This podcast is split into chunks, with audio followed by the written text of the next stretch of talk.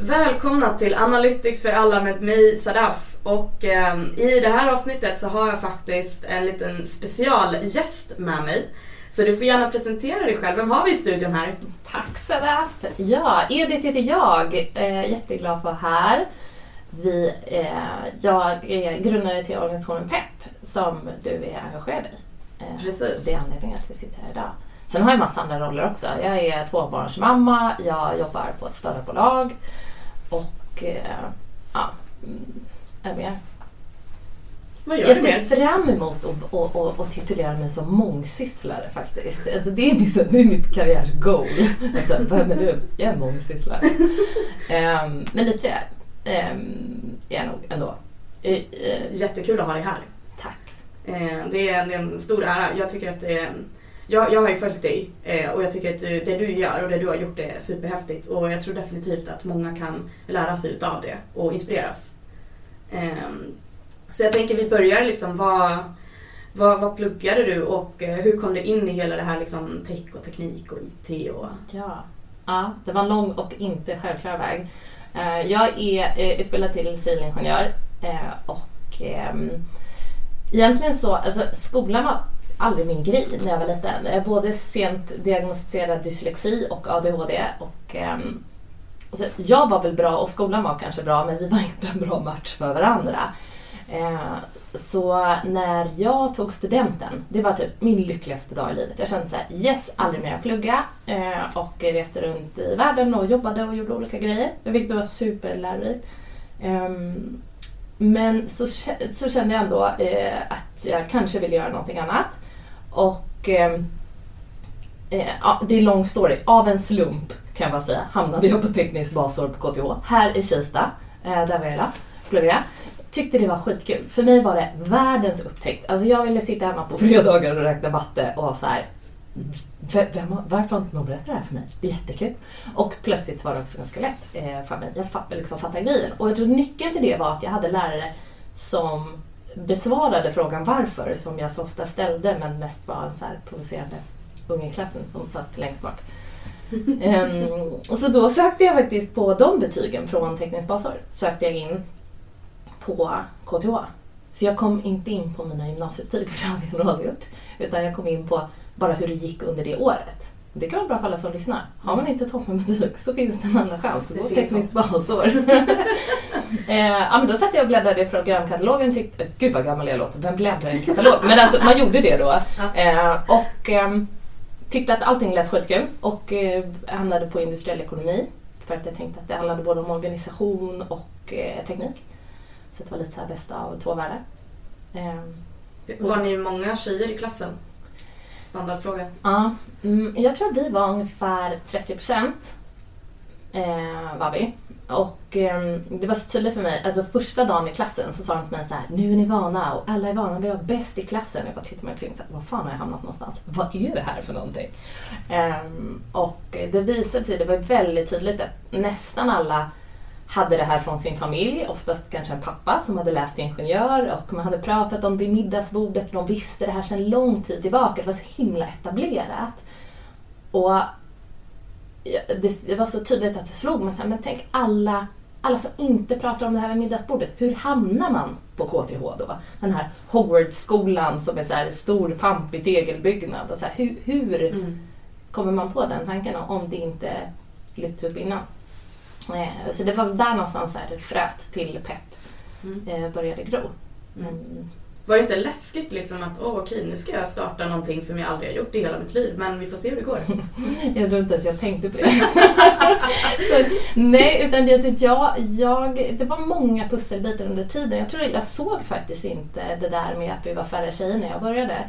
Men eh, lite så här, un, under tiden jag pluggade där så märkte jag eh, dels att vi var färre tjejer. Jag märkte att eh, typ programmerings... Eh, som exempel programmeringslektionerna så var det så här, ja men om man behövde hjälp med något så, ja men fråga honom. Eller fråga honom att jag så här, eller att de tog för givet när vi var två stycken som hade gjort det, att det var min kompis som då är kille som hade gjort det. Men sen var det, här, det var inte jag som har gjort det här, han hade bara suttit och tummarna bredvid. Det var så himla tydligt att de såg på oss på olika sätt. Mm. Hade väldigt få eh, lärare Mm. som var kvinnor. En tror jag jag hade och det var inom projektledning. superviktigt ämne men det var liksom inte tekniskt. Och eh, ja, men så för mig var det, blev det där tydligt under tiden att jag var så här, men gud. Och så fick jag nästan alltid höra när jag sa, när någon undrade så här, men ja, vad gör du? Ja, jag pluggar till ingenjör. Gör du? Mm. Och så jag ändå kände så här, men jag ser bara ut som en helt vanlig tjej. Hur förvånar det dig att jag är en av kanske 18 000 studenter? Ehm, och det där eh, provocerade mig. Och sen samtidigt hade jag ju så otroligt mycket eh, förebilder och vänner eh, på, på skolan som var, gjorde massa olika grejer, framförallt då eh, mycket unga kvinnor. Och kände så här, men kan vi bara visa att de här finns så kanske man kan känna att här, mm, ja, Mm. det är klart hon är ingenjör, det är inget konstigt. Ehm, Men vad tror du det var som gjorde att de bara, va? Du, är du ingenjör? Alltså mina gamla gymnasiekompisar var ju bara för att jag var världens slappaste. så här, spelade bara handboll på gymnasiet och gjorde andra grejer. Så, så där kan jag förstå att de var förvånade. Men, men jag tror att, att det var så här.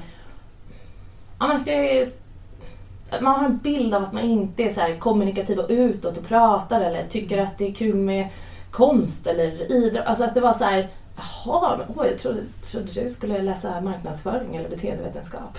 Ja. Ja, ja, det hade jag också kunnat göra. Mm. Ehm, men det ska, skavde verkligen i mig att det var konstigt. Mm. Ehm, så, så fröet såddes där och ehm, sen var det, det var faktiskt, jag var inbjuden av någon konstig anledning till Atlas Copcos ledningsgrupp. Och de Eh, och då frågade jag, så här, frågade jag VD så här, varför har du så få kvinnor i din ledningsgrupp? Eh, jag skulle då vara där som så här, nya perspektiv. Det, det undrade jag när jag satt där. Ja, och då gjorde han en sån här harang som man ganska ofta hör. Det finns inte så många.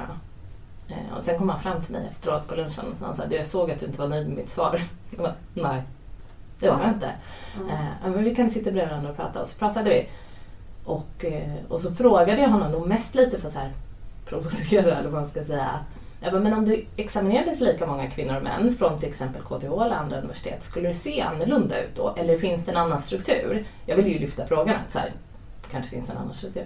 Han sa, nej nej, då, då är det inga problem. Så, Okej, men om jag löser det, löser du ledningsgruppen då? Han bara, ja absolut. Och då gick jag därifrån och så här, ja. ja. men nu kände jag ändå att jag sa att jag skulle göra någonting. Så då bara kom det ihop sig i huvudet. Jag var så här, jag måste bara ut till unga gymnasietjejer Ehm, och berätta för dem hur kul det här är. Och visa... Egentligen vill jag inte att alla ska bli ingenjörer. Jag vill bara visa möjligheten. Jag vill öppna den dörren. Mm. Jag vill visa alla de här personerna. Kolla här är Sadaf, hon är också ingenjör. Ja, med henne har jag massa gemensamma intressen. Men shit, det här skulle kunna vara jag. För att bara vi, visa möjligheten. Ja. Ehm, och då pitchade jag faktiskt in ett KTH. Nu är det jobbigt om KTH lyssnar för det här blev lite dålig stämning. Men jag pitchade in min idé till KTH och tänkte att men det här kommer behöva kosta lite så att ehm, de får eh, finansiera det. Eh, och de tyckte det var superbra, jättekul och jättebra. Och så sa de men du vi tar ett möte i januari så pratar vi mer. Det här var i maj. Jag sa, hur menar ni nu? Jag kommer starta det här idag. Eh, och vilket jag är väldigt glad för, för att jag passar inte så bra in i de här hierarkiska organisationerna. Eller byråkratiska kanske, snarare rätt ord. Både och är de. Ehm, så då startade jag själv Mm. och ringde till någon eh, skola, till någon rektor. Och fick ju där också höra så här, ah, men åh vilken kul idé. Jag sålde i luftslottet, mitt mentorsprogram som jag har. Det är ingenting än. Men, men det, det här härliga, jag hade nog inte ens ett namn vid det tillfället. Nej. Ehm, Väldigt vågat. Jag måste ändå säga. Ja. Det är väldigt vågat. Att du hade en idé och du körde på den och den fanns inte ens egentligen. Men, Nej men jag tror nyckeln varför jag faktiskt vågade, det var att jag tog hjälp av eh, en vän som, som jag pluggade tillsammans med.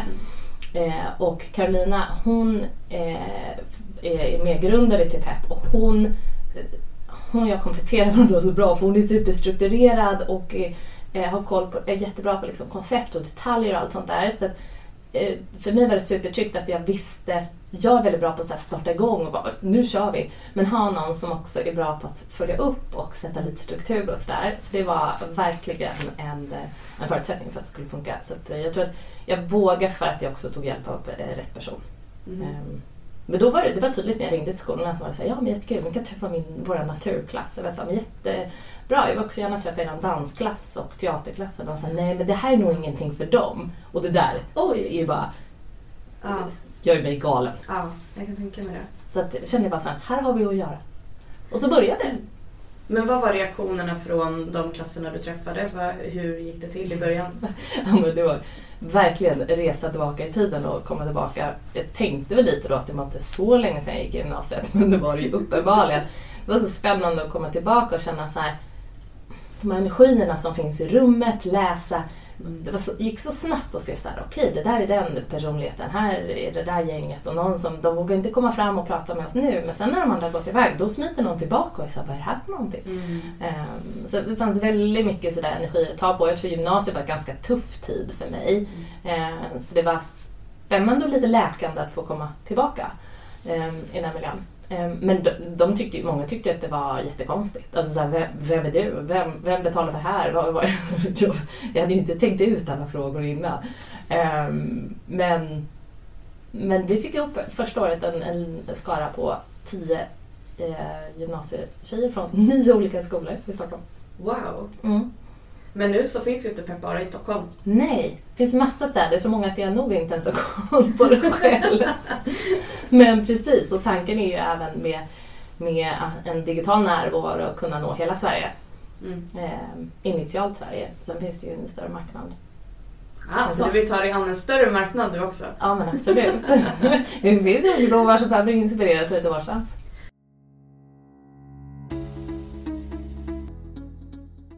Men eh, tror du att det eh, räcker det med att man når ut till gymnasieelever eller borde man gå ännu lägre i klasserna tror du? Jag tror absolut att det finns en anledning att hitta koncept som passar för, för yngre. Eh, det finns också anledning att ehm, titta på hur vi formar och, och skapar liksom strukturer och förebilder även i, i skolan när de är unga. Hur syokonsulenter pratar när det är någon som ehm, har drömmar och idéer och att det ganska ofta är, är, ligger långt bort i hands att, Mm. ehm, att rekommendera en teknisk väg för just tjejer faktiskt. Det är Mm. flera som, som har engagerat sig under åren som eh, har de erfarenheterna med sig in vilket är väldigt eh, eh, sorgligt men också inspirerande att titta på. Att där kan vi förmodligen göra ganska stor skillnad. Just det, för det är ju de här... Jag uppskattar studievägledarna jättemycket. Men det var ändå liksom att men baserat på din personlighet och vad du verkar gilla så tycker jag inte att du borde gå någon så teknisk liksom, utbildning eller inriktning. Och Om man inte vet bättre så blir det ju automatiskt att ah, okej, det är väl inget för mig då. Precis, och ofta den här, ja men du är så kreativ. Det är, så, Ja. det är ju precis det vi behöver, ingenjörer som är kreativ. Det är ett superkreativt, Definitivt. eh, det finns förutsättningar att ha superkreativa yrken. Eh, och även utbildningen är ju, kräver ju den förmågan. Ehm, Definitivt. eh, Om vi bara tittar på UX-designers. Ja men precis. Hur kreativa är inte de? Ja, ja Om men du gillar att måla och vara liksom, ja, men allmänt kreativ, det är ju en perfekt utbildning. Ja, verkligen. Jag har faktiskt eh, på, på temat kreativ har jag eh, krokyr. Alltså när man målar av nakna människor i min examen från KTH i industriell ekonomi. Det är ändå en... Var det en kurs alltså? det är faktiskt Kungliga vetenskap, eller Kungliga Tekniska högskolan för vetenskap och konst. Så arkitektskolan tillhör ju där också. Och de läser bland annat krokyr. Så då tog jag en kurs där. Coolt. Men med andra ord, man kan alltså sätta ihop lite andra kurser när man pluggar. Ja, allt är möjligt. Mm. Man behöver inte hålla sig till regler. Nej, det har vi ju förstått att det, det funkar ändå. Det funkar i alla fall. Mm. Men vad såg du som de liksom största utmaningen under tiden där du byggde upp PEP? Mm, ja, bra fråga. Ehm, ja, men jag tror en av mina personliga utmaningar med ERA är att jag tycker allt går så långsamt och att också kunna vara nöjd över vad som har hänt, eh, händer på vägen. Eh, och det är verkligen en, en, eh, en resa för mig personligen som jag har jobbat med. Att, eh, och det är en fin balans, att både titta framåt och, och ha det drivet och vilja mer. Det utesluter inte att kunna vara nöjd över vad som är. Eh, men det är, det är svårt att möta en målgrupp eh, som är supersnabb i sin utveckling. Alltså de eh, unga som går på gymnasiet är ju, adapterar ju liksom nya beteendemönster, nya kanaler. Det går inte att komma dit och tro att så här, Åh, här har vi en Facebook-sida. Och Facebook, vad är det? Och det blir ganska tydligt. Mm. att, vilket är en otroligt bra lärdom, för samma sak ser jag i näringslivet.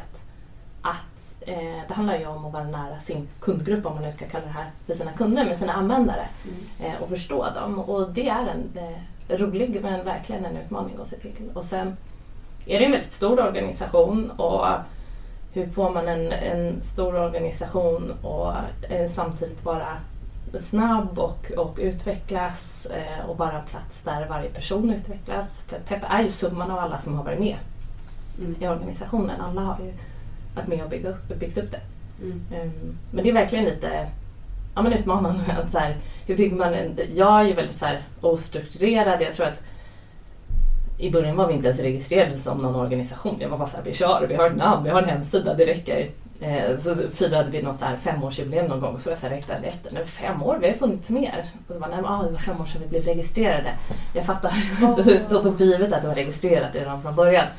Eh, det var bara en sån här, det blev tydligt att det finns olika eh, typer av, ledarskap. Och för mig, jag har ju haft olika roller i organisationen. I början var det ju bara jag och Karo som och liksom fick hjälp av några andra kompisar också. Som så här, nu åker vi ut på skolorna och sen har det där bytts på under tiden. Och eh, ja, men att hitta sin roll där. För mig har jag känt att jag har lyckats som mest när det känns som att det är allas organisation och att jag inte behövs i det operativa, vilket jag ju absolut inte gör idag. Eh, och det är nog inte där jag tillför bäst heller, för det finns fler andra som är bättre på än vad jag är. Mm. Men eh, det är en rolig utmaning. Jag fick ofta den frågan när jag, i början när jag jobbade, att det var så här, hur det är att ha en ideell verksamhet. Ingen får ju ersättning. Eh, men det är ju inga problem. Utan huvudsaken är att hitta en valuta och hitta alltså en annan valuta där så här, hur växer folk i det här? Hur får man ut så mycket som möjligt av det här? Vi är ju inte en organisation där vi värderar erfarenhet av någonting. Vi är en organisation där vi vill, eh, värderar ett engagemang och vilja att lära sig någonting och så är det så här, spännande. Vill du lära dig om ekonomi? Kul! Ta den rollen och så får du det stöd du behöver. Um, och, och det har ju absolut sina eh, utmaningar att bara finnas där och ge det stödet eh, och samtidigt ha den friheten med organisationen. Men vad, eh, vad är din roll idag? Vad gör du i Mm. PEP idag? Mm. Jag antar att det var liksom, du hade ju mycket mer att behöva göra i början för att det var ju du som byggde upp det här. Absolut. Men ehm, nu, vad gör Ja. du nu då? Ja, men nu är min roll eh, att eh, vara styrelsemedlem. Eh, och eh, styrelsen har ansvar för att organisationen har vad den behöver för att, för att driva verksamheten framåt och också att det finns en riktning framåt. eh, Att vi är relevanta och, och eh, tittar framåt. Ehm, jag gillar ju att titta framåt och hitta, hitta ehm, balansen där mellan hur mycket drar vi framåt och hur mycket låter vi organisationen vila och få lära av det den är i. Ehm, och det är en fin balans, eh, men det är väldigt kul. Det är en otroligt rolig organisation att jobba med, med alla eh, väldigt eh, kompetenta människor som är med. Häftigt. Och om vi riktar fokus från pepp då till vad, eh, vad gör du idag? Vad är din roll idag i liksom arbetslivet? Ja. Mm, eh, idag jobbar jag på ett bolag som heter Convey Group eh, som har utvecklat ett, ett retoriskt coachande verktyg som heter Hilma. Och, eh, det är ett litet bolag där vi verkligen liksom, brinner för så här, frigöra kommunikationskraften i organisationer. Jag har en bild av att jag vill att alla eh, möten är meningsfulla. Det finns otroligt mycket möten ute i, i näringslivet där man bara sitter och man ska ha de här och många går därifrån och undrar vad, de, vad gjorde jag där? Eh, Det finns studier som visar att hälften av alla möten faktiskt är så när de inte riktigt leder till det de ska. Så då har vi utvecklat en, en produkt där och jag, det är ett litet bolag så att jag tycker rollen är ganska svår att säga vad den är för ett litet bolag blir det ju så att man bara hugger i och gör väldigt mycket gemensamt. Mm. Ehm, Men jag jobbar delvis som produktägare i det. Eh, Jag jobbar med utvecklarna och, och hittar riktningen framåt. Så Jag jobbar med våra affärsmodeller, eh, jobbar med kunder, jobbar med våra partners. Ehm, Ja, Mm. Ehm, och trivs du? Tycker att det är kul? Eh, Vad, vad är det det här som du liksom har tänkt att "Ja, men det var här jag ville göra efter plugget? Men det är jättekul. Eh, nej, alltså efter plugget gjorde jag någonting helt annat som nog, ehm, allt har sin tid men ehm, det var, det var eh, ja, jag hittade verkligen inte rätt direkt. Och det tror jag inte man behöver ha förväntning heller att man ska göra. Men Eh, det här jobbet jag har nu är superkul. Det har lärt mig jättemycket. Det har, eh, både i det vi jobbar med men också hur, hur jag jobbar. Vad är det som är att jobba och bidra med, med ett värde? Det är speciellt det är annorlunda om man sitter och så producerar och gör någonting hela tiden. Men att jobba med så strategier, utveckla affärer, eh, så här, tankeprocessen, hur tillåter jag den att få plats? Och inte bara tro att jag kan sitta och, och leverera och göra någonting hela tiden. Utan mina idéer behöver ju också hitta ett format att gro. Um, och, och det där tycker jag är... Jag tycker egentligen att det är konstigt att vi jobbar så mycket som vi gör. Mm. Um. Nu får du utveckla det här, det här var intressant. ja, men jag kände så här, vi har nått så otroligt långt i den tekniska utvecklingen. Um, och ändå så jobbar alla de som då jobbar, det är inte alla som har jobb, men de som har jobb tenderar att jobba jättemycket. Mm. Eh, jag tror inte det är smart. Jag tror inte att man är smart så himla många timmar eh, på det sättet som vi har lagt upp det. Um, och jag tror att det finns helt andra sätt att jobba. Jag tror att vi också får ut så himla mycket mer av eh, en lite bättre balans i livet. Jag tycker det är helt orimligt att så många bränner ut sig och mår dåligt på jobbet och den psykiska ohälsan. Um, så jag tror väldigt mycket på en annan typ av eh, ledarskap, mycket mer så här kärleksfullt ledarskap um, där vi tror och litar på individerna uh, och jag tror att det finns anledning att titta på att uh, inte överarbeta så mycket. Det är intressant faktiskt. Jag tycker också, jag håller med i det du säger. Jag kan, jag kan också tycka att kanske med åtta timmar, om ens det, jag tror folk jobbar mer egentligen, det är väl mm. upp till tio timmar per mm. dag. Eh, att det inte är alltid de mest produktiva timmarna utan kanske de mest produktiva timmarna är fem. Ja, och alltså jag är så här, eh, går jag och drejar och sen så kan jag sätta mig bara en timme och bara komma på superbra eh, saker mm. efteråt. Eller går jag går ut och en promenad eller springer eller tränar eller går på eh, något pass. Alltså, eh, här, det händer någonting där och att mm. hitta det där um, ja, men hitta bra balans och hitta så här, vad, på vilket sätt funkar jag bra också. Jag tror att man kommer behöva titta mycket mer på individerna där också. Eh, är det någon som är morgontrött? Ja, men an, anpassa det till det. Mm. Är det någon som älskar att åka skridskor? Se till att den personen är ledig varje dag första isarna ligger eh, i den staden den jobbar så att den bara får gå ut och njuta av det. För det kommer ge så himla mycket tillbaka. Mm. Um, så jag ser fram emot att uh, arbetslivet ska utvecklas åt det hållet. Det låter väldigt drömmigt men eh, jag tänker hur, hur kan vi, vi liksom, hur kan vi göra för att kunna bidra till det eller kunna förändra det? Tror du att vi kan göra någonting? Men det tror jag absolut. Eh, jag tror en, en stor sak man kan göra själv är att för det första bara reflektera över vad mår jag bra av? Eh, vad, lite så att titta på sin energi. Vad, vad gör jag om dagarna? Vad ger mig energi? Är jag på rätt väg? Mår jag bra av det här sammanhanget? De människorna jag umgås med hela tiden? Eh, tycker att det är kul att berätta om mitt jobb och vad jag gör eller eh, liksom, vad väcker det för känslor? Och, för det finns otroligt mycket intelligens i kroppen som kommunicerar med oss men som jag tror att vi lär oss att tysta ner och skala bort. Jag gjorde ju verkligen det eh, under många år. Jag pluggade eh, jättemycket, sov jättelite, jobbade jättemycket efter eh, eh examen på ett otroligt osunt sätt. Alltså jag blev jättesjuk av att leva på det sättet. Och eh, har ju fått lära mig verkligen den hårda vägen um, efter det hur det är att så här, vem är jag när jag inte presterar? Mm. Tror du också att kanske folk tar jobbet som att det blir deras identitet? Absolut. Att det är det som definierar dem, det enda som definierar dem är deras roll på jobbet. Mm. Och sen om de inte har den, då är man inte någonting.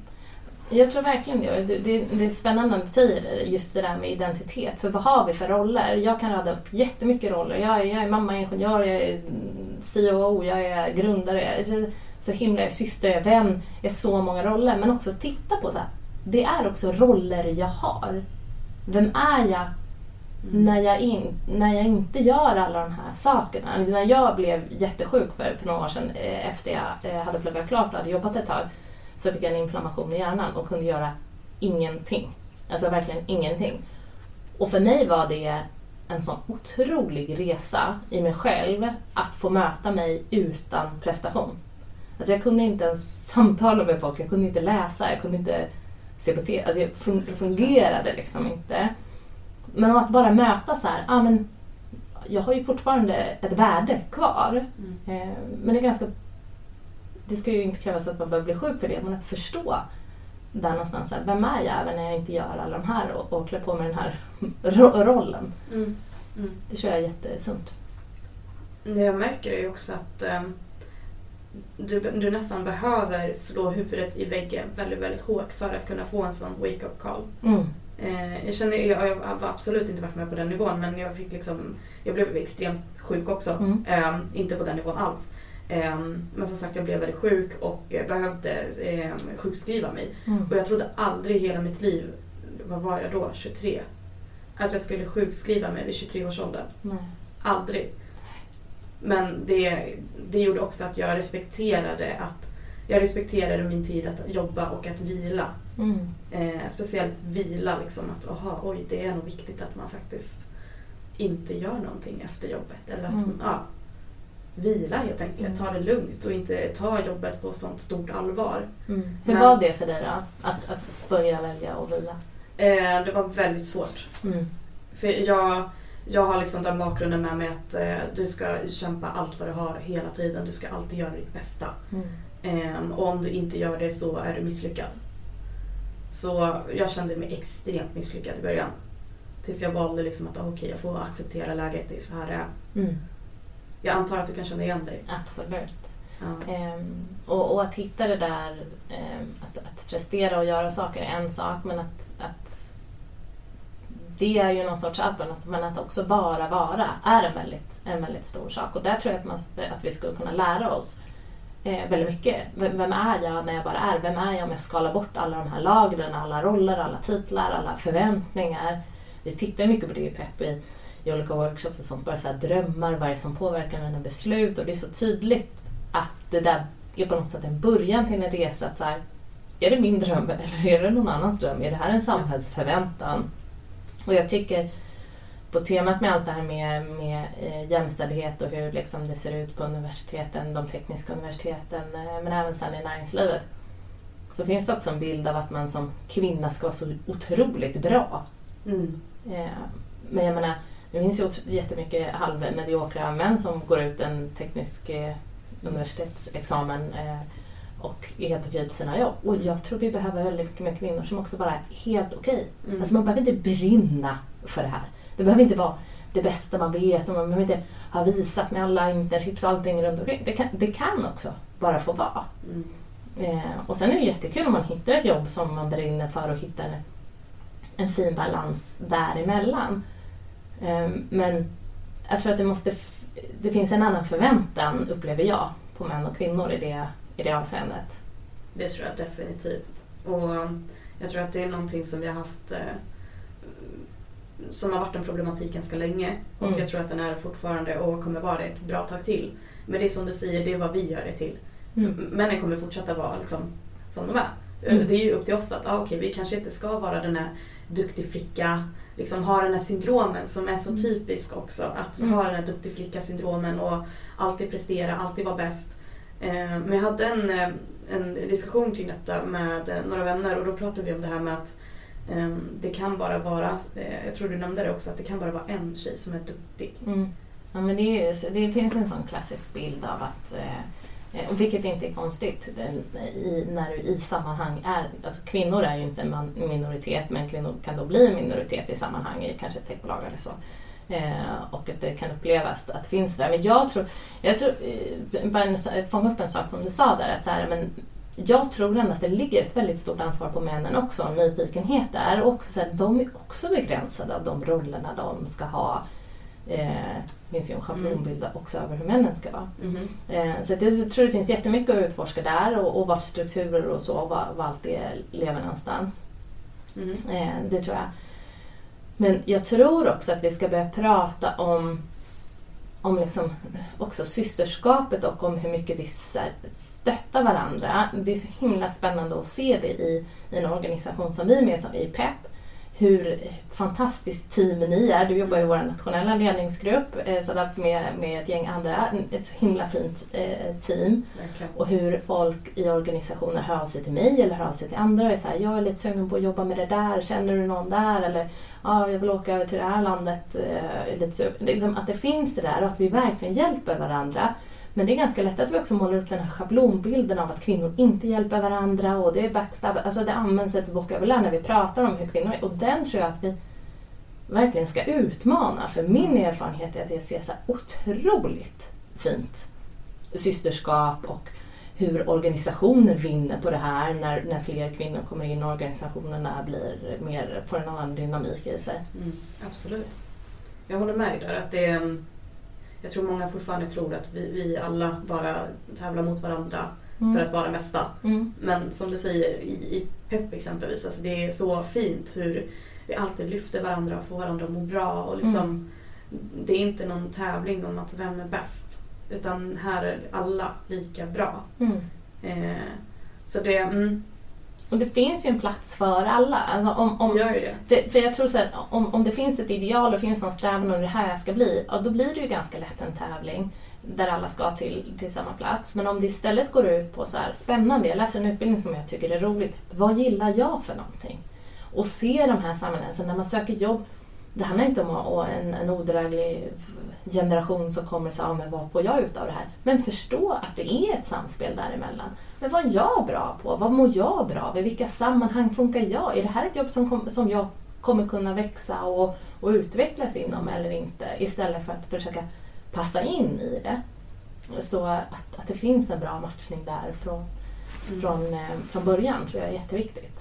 Och att om det går ut på att alla ska hitta sin grej, vad de är bra på, då, då är bara alla vinnare. Mm.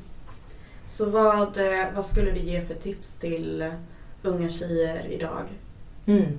Som försöker hitta sin, sig själv och sin roll och mm. liksom mm. sin plats. Mm.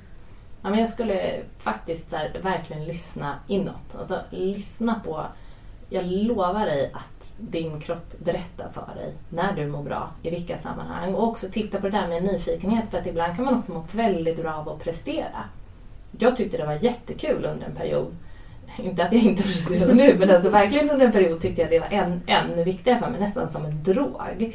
Eh, och nästan som en drog att så här, slita lite på mig själv i det där också. Att det nästan var spännande för mig mm. att så här, gud jag behöver inte sova mer och jag kan ju sitta uppe hela natten. Alltså bara kände så här, wow vad kul. Jag förstod inte vad folk sa när det var så här, men hur hinner du allt? Så här, det finns ju 19 vakna timmar på dygn. Det hinner ju göra mycket som helst.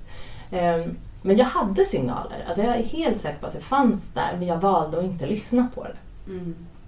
Så jag tror att lyssna på det där och förstå så här, vad är jag? Vad är det jag vill för någonting? Och hur kan jag hitta allt annat runt omkring i det här samhället? Det är ju liksom stepping stones för dig själv att, att hitta en spännande väg. Um, men ja, så med, med nyfikenhet eh, reflektera och Våga testa, våga titta på vad det är som, som påverkar dina beslut och tankar om vad du ska göra. Det är så här, okej, okay, vad spelar mamma och pappa för roll här? Vad spelar mina kompisar för roll? Vad spelar den där franska läraren eller matteläraren? Jag hade ju mattelärare som tyckte jag var sämst på matte på gymnasiet för att hon mm. tyckte att jag var för grabbig som spelade så mycket handboll. Och för mig hade, jo, det var, det, var, det var verkligen inte en bra match där men hon, hon blev provocerad av att jag alltid kom direkt från träningen på morgonen. Och, ja, men hade ett annat fokus mm. och, och också ville förstå varför. Jag ville inte bara eh, lära mig en formel, jag ville förstå varför och, och där funkade inte hon och jag helt bra ihop. Och det där tror jag är så viktigt. Att, att, vad bär man med sig från de där mötena? Nästan alla som man känner som är så jag är inte bra på språk kan man ställa så här, vad hade du för lärare? Och så har de en jätte så här, infekterad relation till någon lärare som någon gång har sagt någonting dumt. Och titta på så här, alla de där pusselbitarna, hur har det påverkat mig? Och vad väljer jag att gå för steg framåt? Åh gud vad jag kände igen mig i det där. Att mm. ah, okej, det kanske är därför. För jag älskar språk men jag hade så svårt med spanskan. Mm. Och det var för att jag och läraren bara inte, det gick inte. Vi, vi var inte på samma nivå överhuvudtaget. Men jag älskar språk och jag önskar att jag hade lärt mig mer. Mm. Och jag hade kanske gjort det om vi hade haft bättre förutsättningar. Mm. Och du kanske kommer göra det. nu när du tittar på det. Vem vet? Ja, man vet aldrig. Ja. Det är det där med fler timmar på dygnet. Det mm. fanns det så absolut. Mm. Ja, man, ja, och där, man får lära sig att prioritera. Mm. Jag tror att vi kommer eh, se um, jättemycket mer um, värdet av att um, ja, men, göra saker som utvecklar oss och som vi mår bra av som inte är direkt mm. eh, kopplade till, till jobbet eller att jobben funkar på det sättet.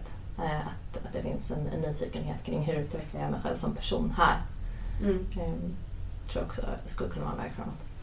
Så det handlar nog mer om att um, våga ifrågasätta Mm. än att bara följa strömmen.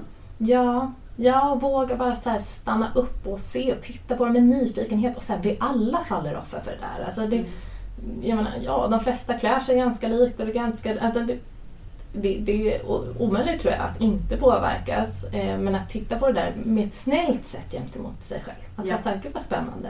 Nu vill jag helt plötsligt ha en sån där soffa för att ha sett den i alla flöden. Eller vad det än är. Att så här bara Mm. nyfiket titta på det och ändå känna och stämma av. När jag blev sjuk fick jag lära mig väldigt mycket att eh, navigera efter min energi och hushålla med min egen energi för att den tog slut väldigt fort. Eh, och det där blir spännande för då tittar man helt plötsligt på så här, "Jaha, men vilka sammanhang ger och vilka tar. Mhm. Ehm, och, och förstå det där för det, det, det, det finns någon intelligens i det där som säger oss någonting. Tänker du fortfarande på det sättet idag? Absolut. Mm. Mm.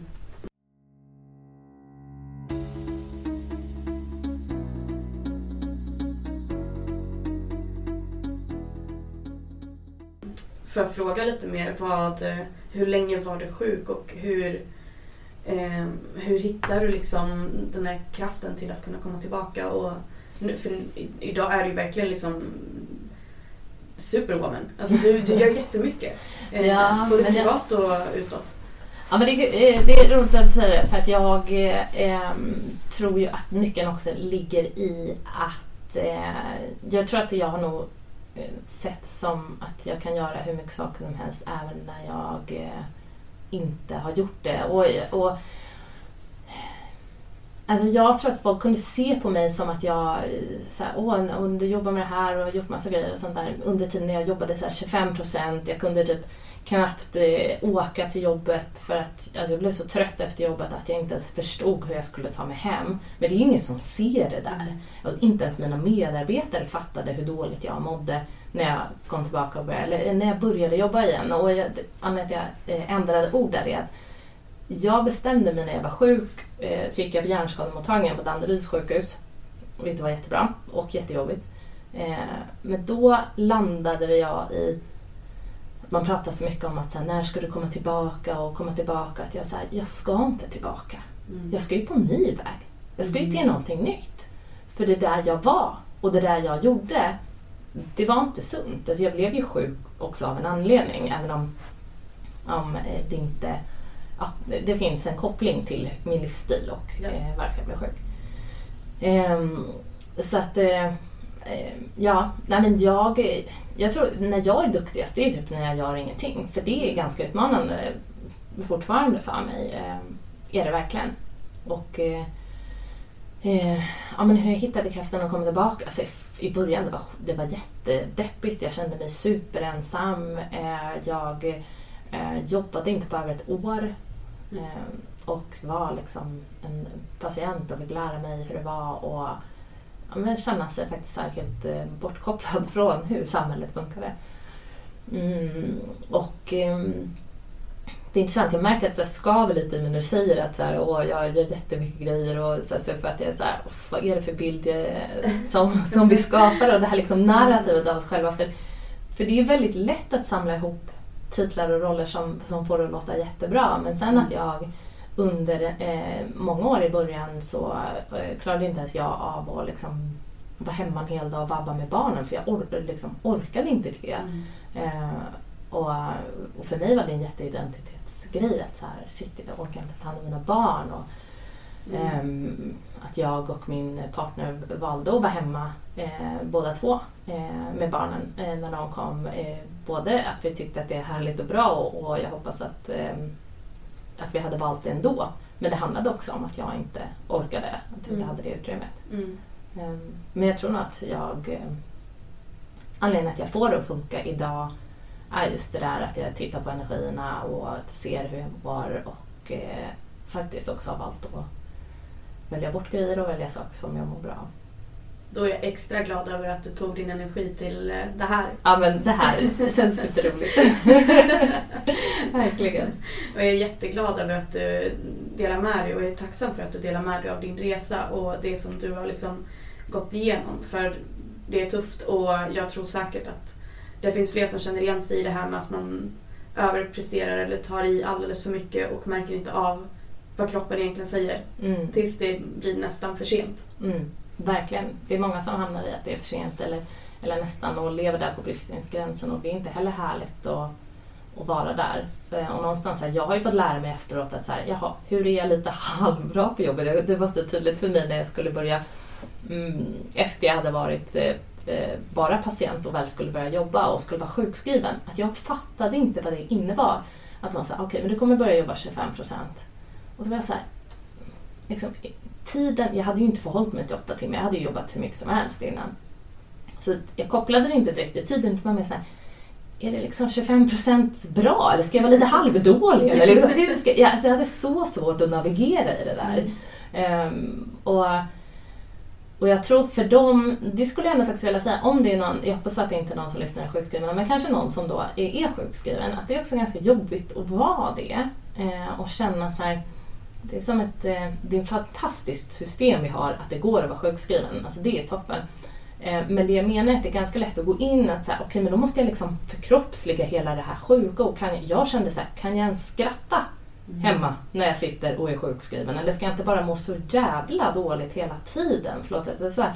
Men också så här, jag, jag, tyckte det var jobbigt att ens gå ut. För jag var så här, tänk om någon ser mig nu? Jag ser ju frisk ut. Men jag menar, jag var ju supersjuk. Men, men det var jobbigt att eh, den rollen var jätteutmanande för mig att ha. Att vara sjukskriven. Det var jättejobbigt eh, att eh, eh, varje gång jag gick till läkaren så var jag så här, "Fan, nu, nu ska jag vara, det här kommer gå jättebra, nu är jag frisk och så tyckte de ju aldrig att jag var frisk. Ehm, tills jag faktiskt friskförklarade mig själv.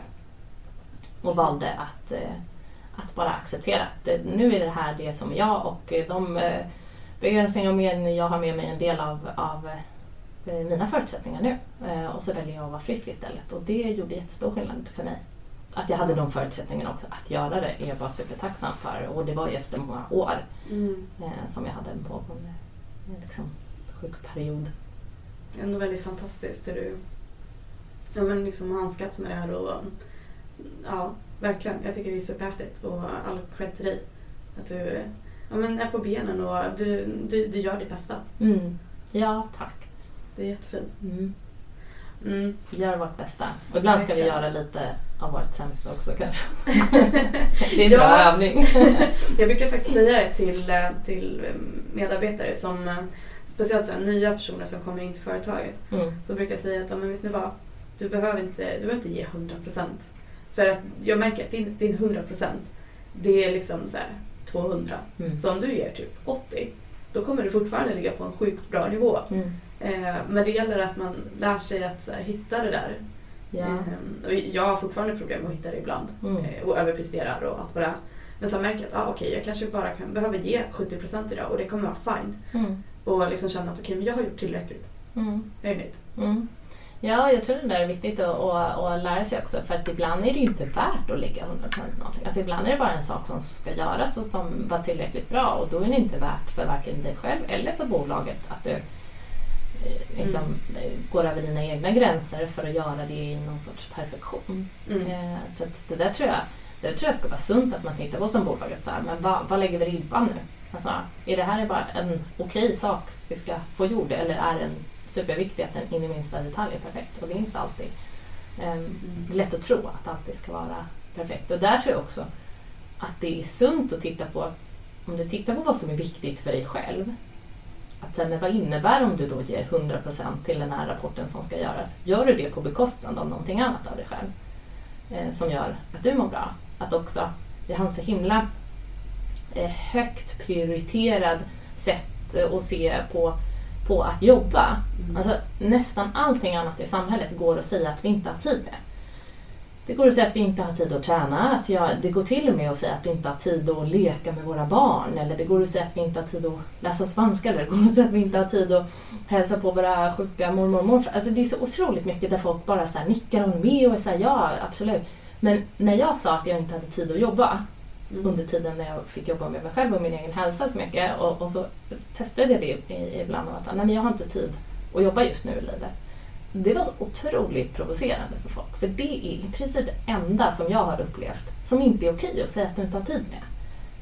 Eh, och det handlar ju inte om att, att leva i ett ekonomiskt överflöd. Att så här, eh, det är klart, jag hade ju eh, en sjukskrivning så att jag hade ju tur att jag fick, fick det stödet. Men jag hade inte tid i mitt liv att jobba för jag var tvungen att ägna mig åt att bli frisk och hitta ett sätt där jag mådde bra så att jag kunde ta mig an och börja jobba igen. Men det där skaver ofta. Så jag tror man kan titta på det där även när man tittar på de små grejerna när man är igång och har alla de här pusselbitarna i livet. Att så här, vad får det för konsekvenser om jag väljer att göra 100% i det här? Hur mm. mycket attention ger jag till min hälsa? Mm. Eller till mitt sociala liv eller det här? Och inte tro att det betyder att vi ska vara någon så här supermänniskor som bara åh, här, jag gör det här storkoket samtidigt som jag gör det här och jobbar. Alltså, utan det är ju på bekostnad av, av de andra sakerna. Alltså att kunna så få, få till den balansen men jag tror att det ofta leder till att man gör sakerna bättre. Eh, jag tror att det är någonting som vi behöver börja prata mer om eh, till de yngre som är på väg, är liksom på väg in i arbetslivet och på väg till att ta sina första steg liksom, mm. in i det nya, ja, jättefina men också fruktansvärda livet för att de, vi, vi, vet vad som väntar. Mm. Eh, det är vad man gör det till mm. såklart. Jag tror vi har ett jätteansvar som är i näringslivet redan nu eller i organisationer där, där nya generationer kommer jobba. Att varenda person har ett ansvar för hur romantiserar jag det här med att det är jättemycket att göra och jag jobbar jättemycket och hela den grejen. Eh, tidigare innan pandemin romantiserade vi också att folk var sådana hjältar som kom till jobbet när de var förkylda. Det är ju helt galet. Till och med innan pandemin ja. var det faktiskt galet. Men än mer nu. Nu är det ju bara socialt oaccepterat. Men, eh, men att vi också har ett ansvar där. Det är som att det är väldigt lätt att bara fortsätta föda den där monstret av att jättemycket är jättebra och det finns ingen tid eller sådär. Eh, att så vad är det som säger att man inte ska ha reflektion i sin kalender på arbetstid? Mm. Det har jag definitivt. Eh, okay. Det är mitt ansvar när jag har en roll där jag har ansvar för både personer som jobbar men också bolaget och vart händer vi fram, vart ska vi framåt? Jag måste ju stanna upp och reflektera och titta och, på, på hur saker ser ut. Och om jag bara släcker bränder och jobbar med det som är hela tiden då, då tar jag ju bort en viktig del av det ansvaret jag faktiskt har. Mm. Och det är många som har det ansvaret. Mm. Så att, jag tror dels att vi har ett ansvar som redan är ute och, och jobbar. Jag tycker också att det är spännande när jag träffar den här generationen att jag tror faktiskt att de kommer utmana oss på ett bra sätt där. Att det känns som det finns, eh, jag upplever nog lite två delar. Vissa som sådär, jag bara blir helt eh, paff av hur höga liksom, ambitionerna är, hur de bara vill jobba och göra allt och liksom sätta allt men, men ganska många också som är såhär, hmm, hur vill jag leva? Spännande, man kanske ska bo på en bondgård och jobba därifrån eller jag kanske ska både ha en podd och göra det här eller byta karriär någon gång mitt i. Jag tror ju fortfarande att, vem vet, jag kanske blir läkare. Mm. Jag är 35 men det är inte helt omöjligt. Nej, absolut inte. um, ja, men så att, eh, jag känner mig hoppfull. Jag tror att vi ska ta tillvara på eh, den yngre generationens eh, perspektiv där jag tror att det finns eh, mycket bättre förutsättningar till eh, en balans faktiskt. Mm.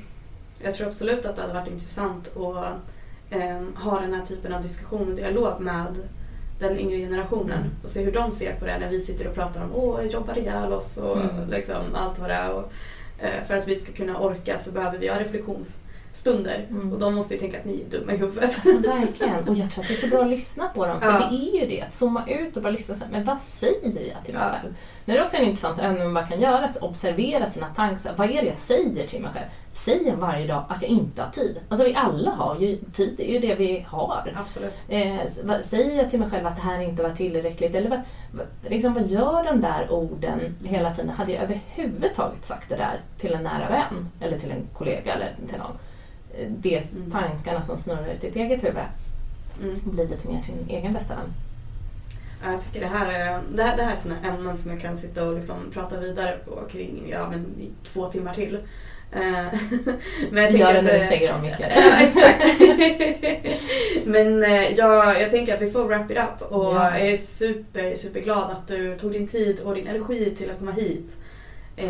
Jag tror definitivt på att vi ska inspirera och få fler att tycka att det här är liksom roligt och att ingenjör inte är det stereotypiska liksom, som alla tror. Eh, och du behöver inte bli ingenjör, du kan bli UX-designer eller ja, vad Mm. som. Mm. Eh, och att allt inte är ett måste utan Nej, det ska också kunna vara kul. verkligen. Mm, Har man kul varje dag så kommer ju livet vara kul. Definitivt. Ja. Sen ska man ju ta de jobbiga sakerna också. De kommer och eh, att vara i det. Jag tror, jag tror på något sätt att om man expanderar sig själv, det är som att vi är en, en sfär. Eh, så att eh, man kommer få känna mer om man går mer åt det roliga så kommer det också komma mer av eh, liksom, djupet i, i det jobbiga också. Mhm. Men att bara tillåta sig att vara i det som är. Eh, men se till att ändå välja själv att navigera. Mm. Ja, verkligen. Men eh, med de orden, tack så jättemycket för att du var med och eh, inspirerade. Tack Sada för att jag fick komma. Jättekul. Tack. Och tack Comfort Hotel i Kista för att vi får låna den här fantastiska studion. Och eh, stay tuned tills nästa avsnitt hörni.